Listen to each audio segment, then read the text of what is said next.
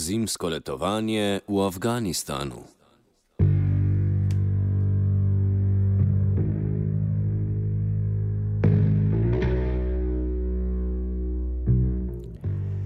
Predstavniki Evropske unije in afganistanska vlada so konec prejšnjega tedna na vrhovnem srečanju podpisali dogovor, s katerim se je afganistanska oblast zavezala k neomejenem sprejemanju deportiranih prosilcev za azil.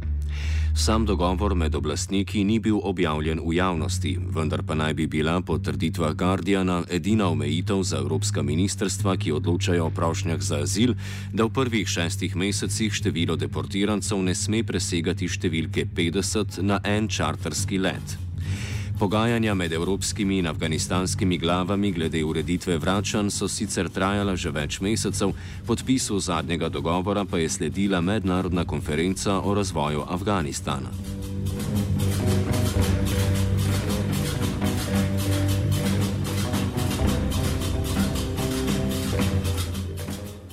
Konference, ki je potekala ta teden, so se udeležili predstavniki 75 držav in 26 mednarodnih organizacij.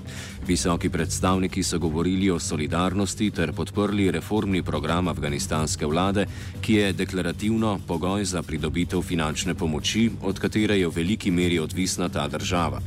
Vendar pa so upadanje srečanja glavnih financerjev afganistanske vlade in podpis o vračanju migrantov ni na ključje.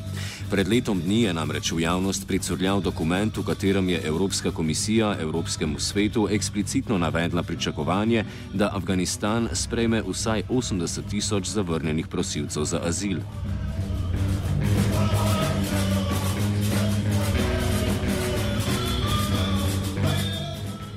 Po letu dni se je tako s podpisom zadnjega dogovora o vračanju migrantov uresničil podoben dogovor, kot velja med Evropsko unijo in Turčijo glede zadrževanja migrantov na zunani meji Evrope.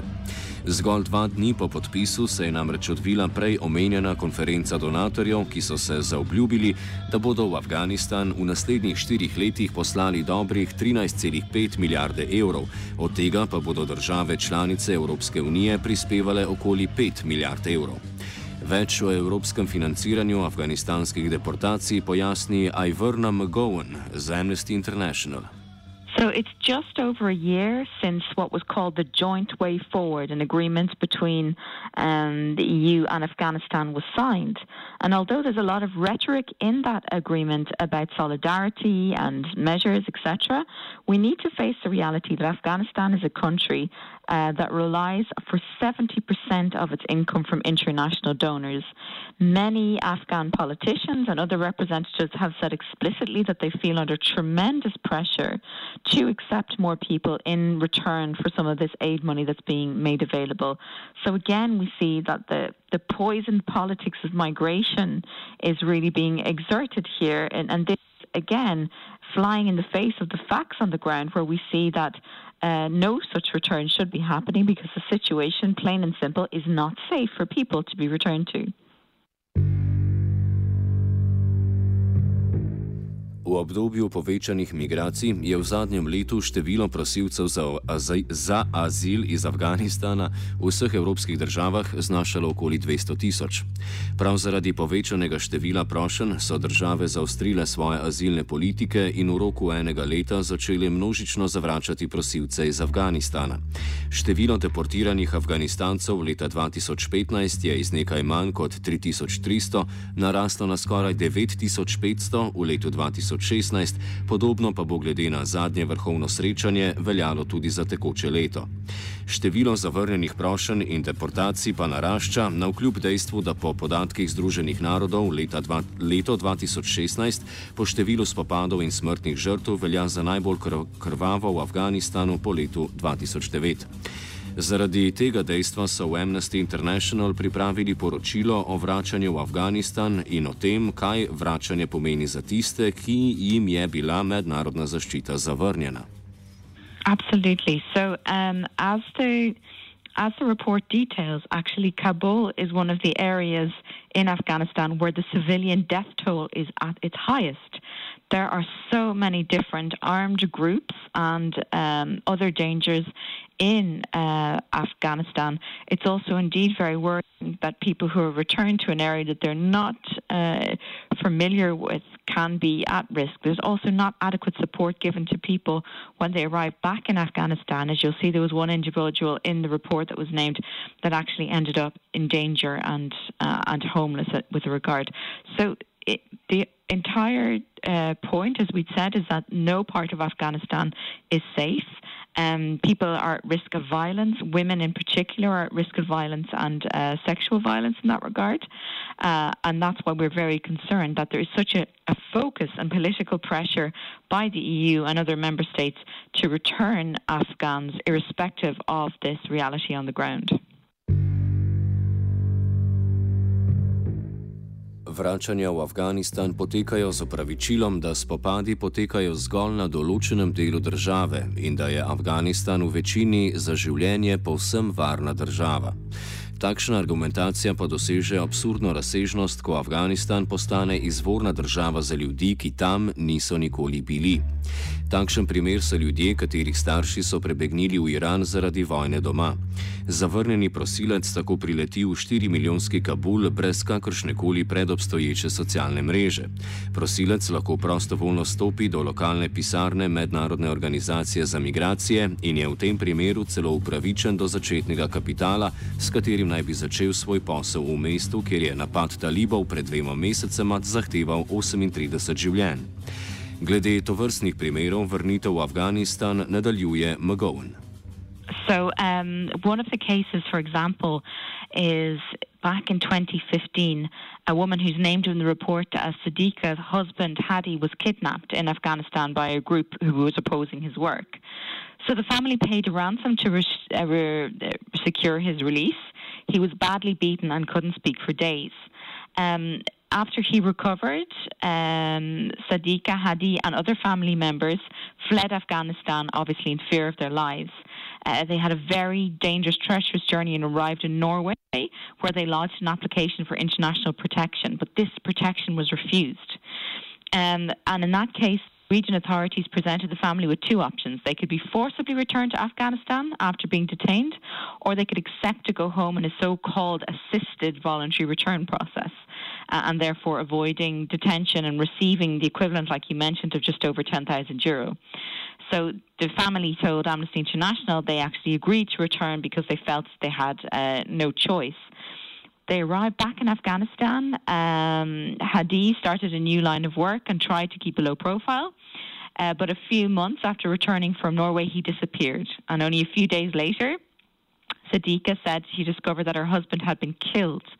And she's certain that the responsibility lies with those same people who kidnapped him. So this is a very clear example of somebody who was in danger in Afghanistan, who fled uh, to Europe in search of protection, who was refused that protection and was then actually, you know, sent back only very unfortunately uh, it, to have paid the ultimate price really with his life. So that's a very clear case, and unfortunately, it's not an isolated one.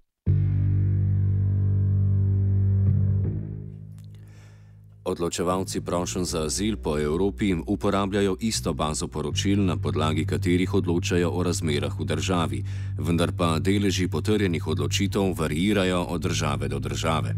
Za vse pa velja zmanjšanje števila pozitivnih odločitev od leta 2015 do 2016.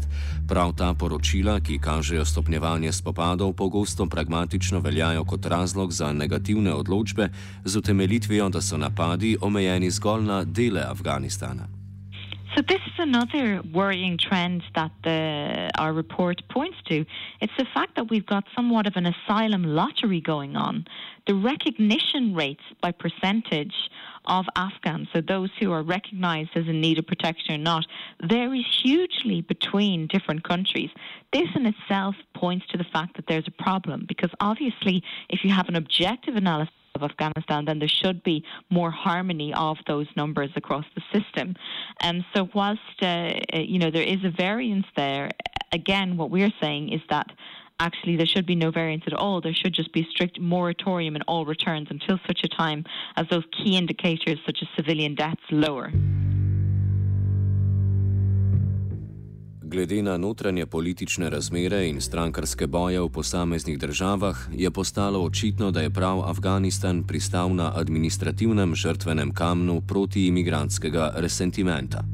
Podobno kot italijanska vlada sklepa dogovore z libijskimi milicami glede opravljanja nalog obalne straže, evropski politiki pred volitvami sklepajo dogovore o afganistanskih deportacijah. We are very worried because we do see a politicization of um, what should be a very factual and legal approach uh, to policies. The fact that there's been such political pressure exerted on Afghanistan to accept more returns, you know, despite the situation on the ground, the fact that there is this gross disparity between the recognition rates in different countries of Afghans, it all speaks to the fact that people are looking much more at politics when you look at the trend overall, rather than sticking to the facts on the ground and to the strict legal operations.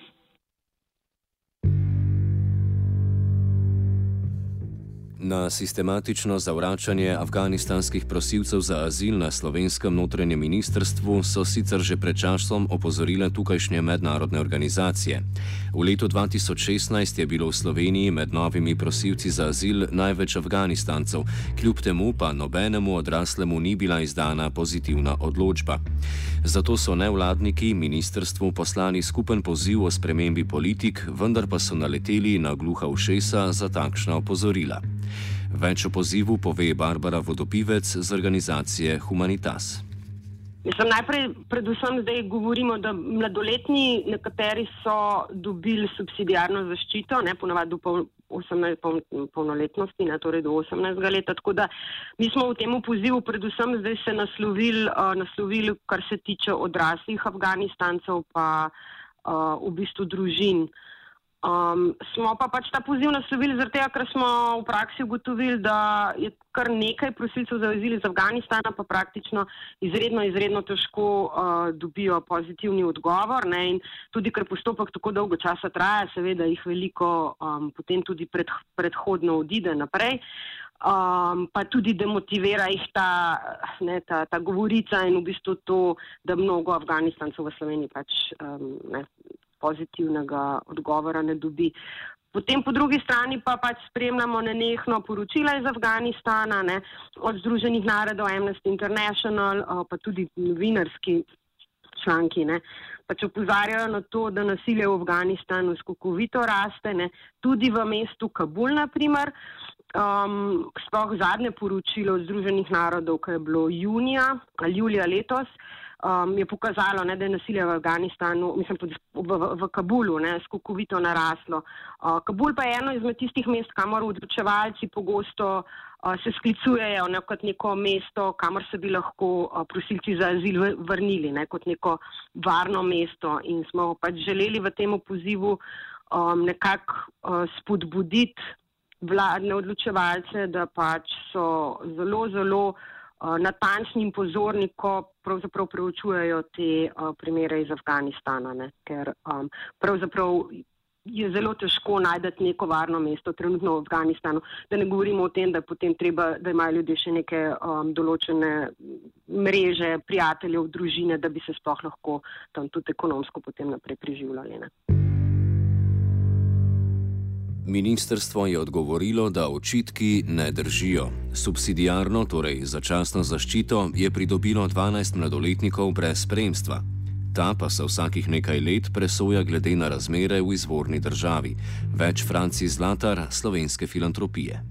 Ja, um, seveda, zdaj, ko eno subsidijarno zaščito traja določen čas in po tistem času je potem eh, bodi si potrebno uh, to zaščito poskušati podaljšati ali pa uh, seveda pač nekako ta subsidijarna zaščita tudi računa, da se bodo v tem času neke razmere v matični državi, odkuder prihaja posamezni begunec, pač tudi uredile, da se bo lahko vrnil tja.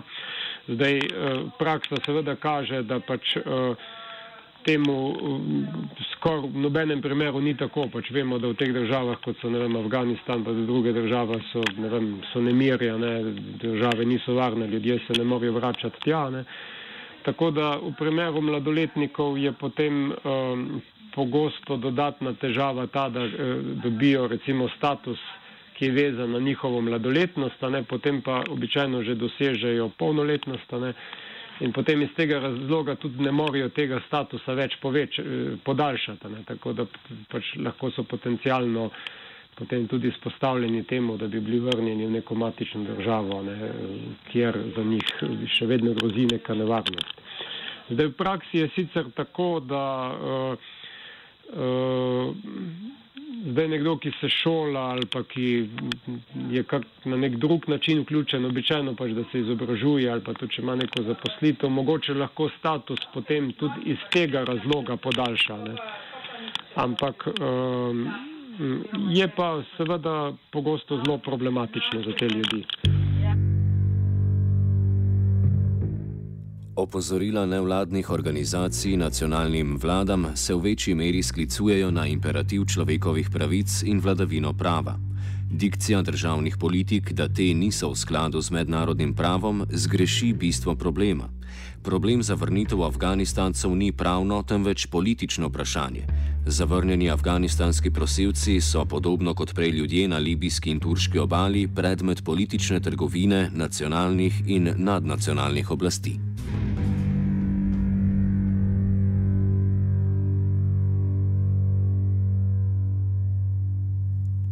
Kultiviral je jošt.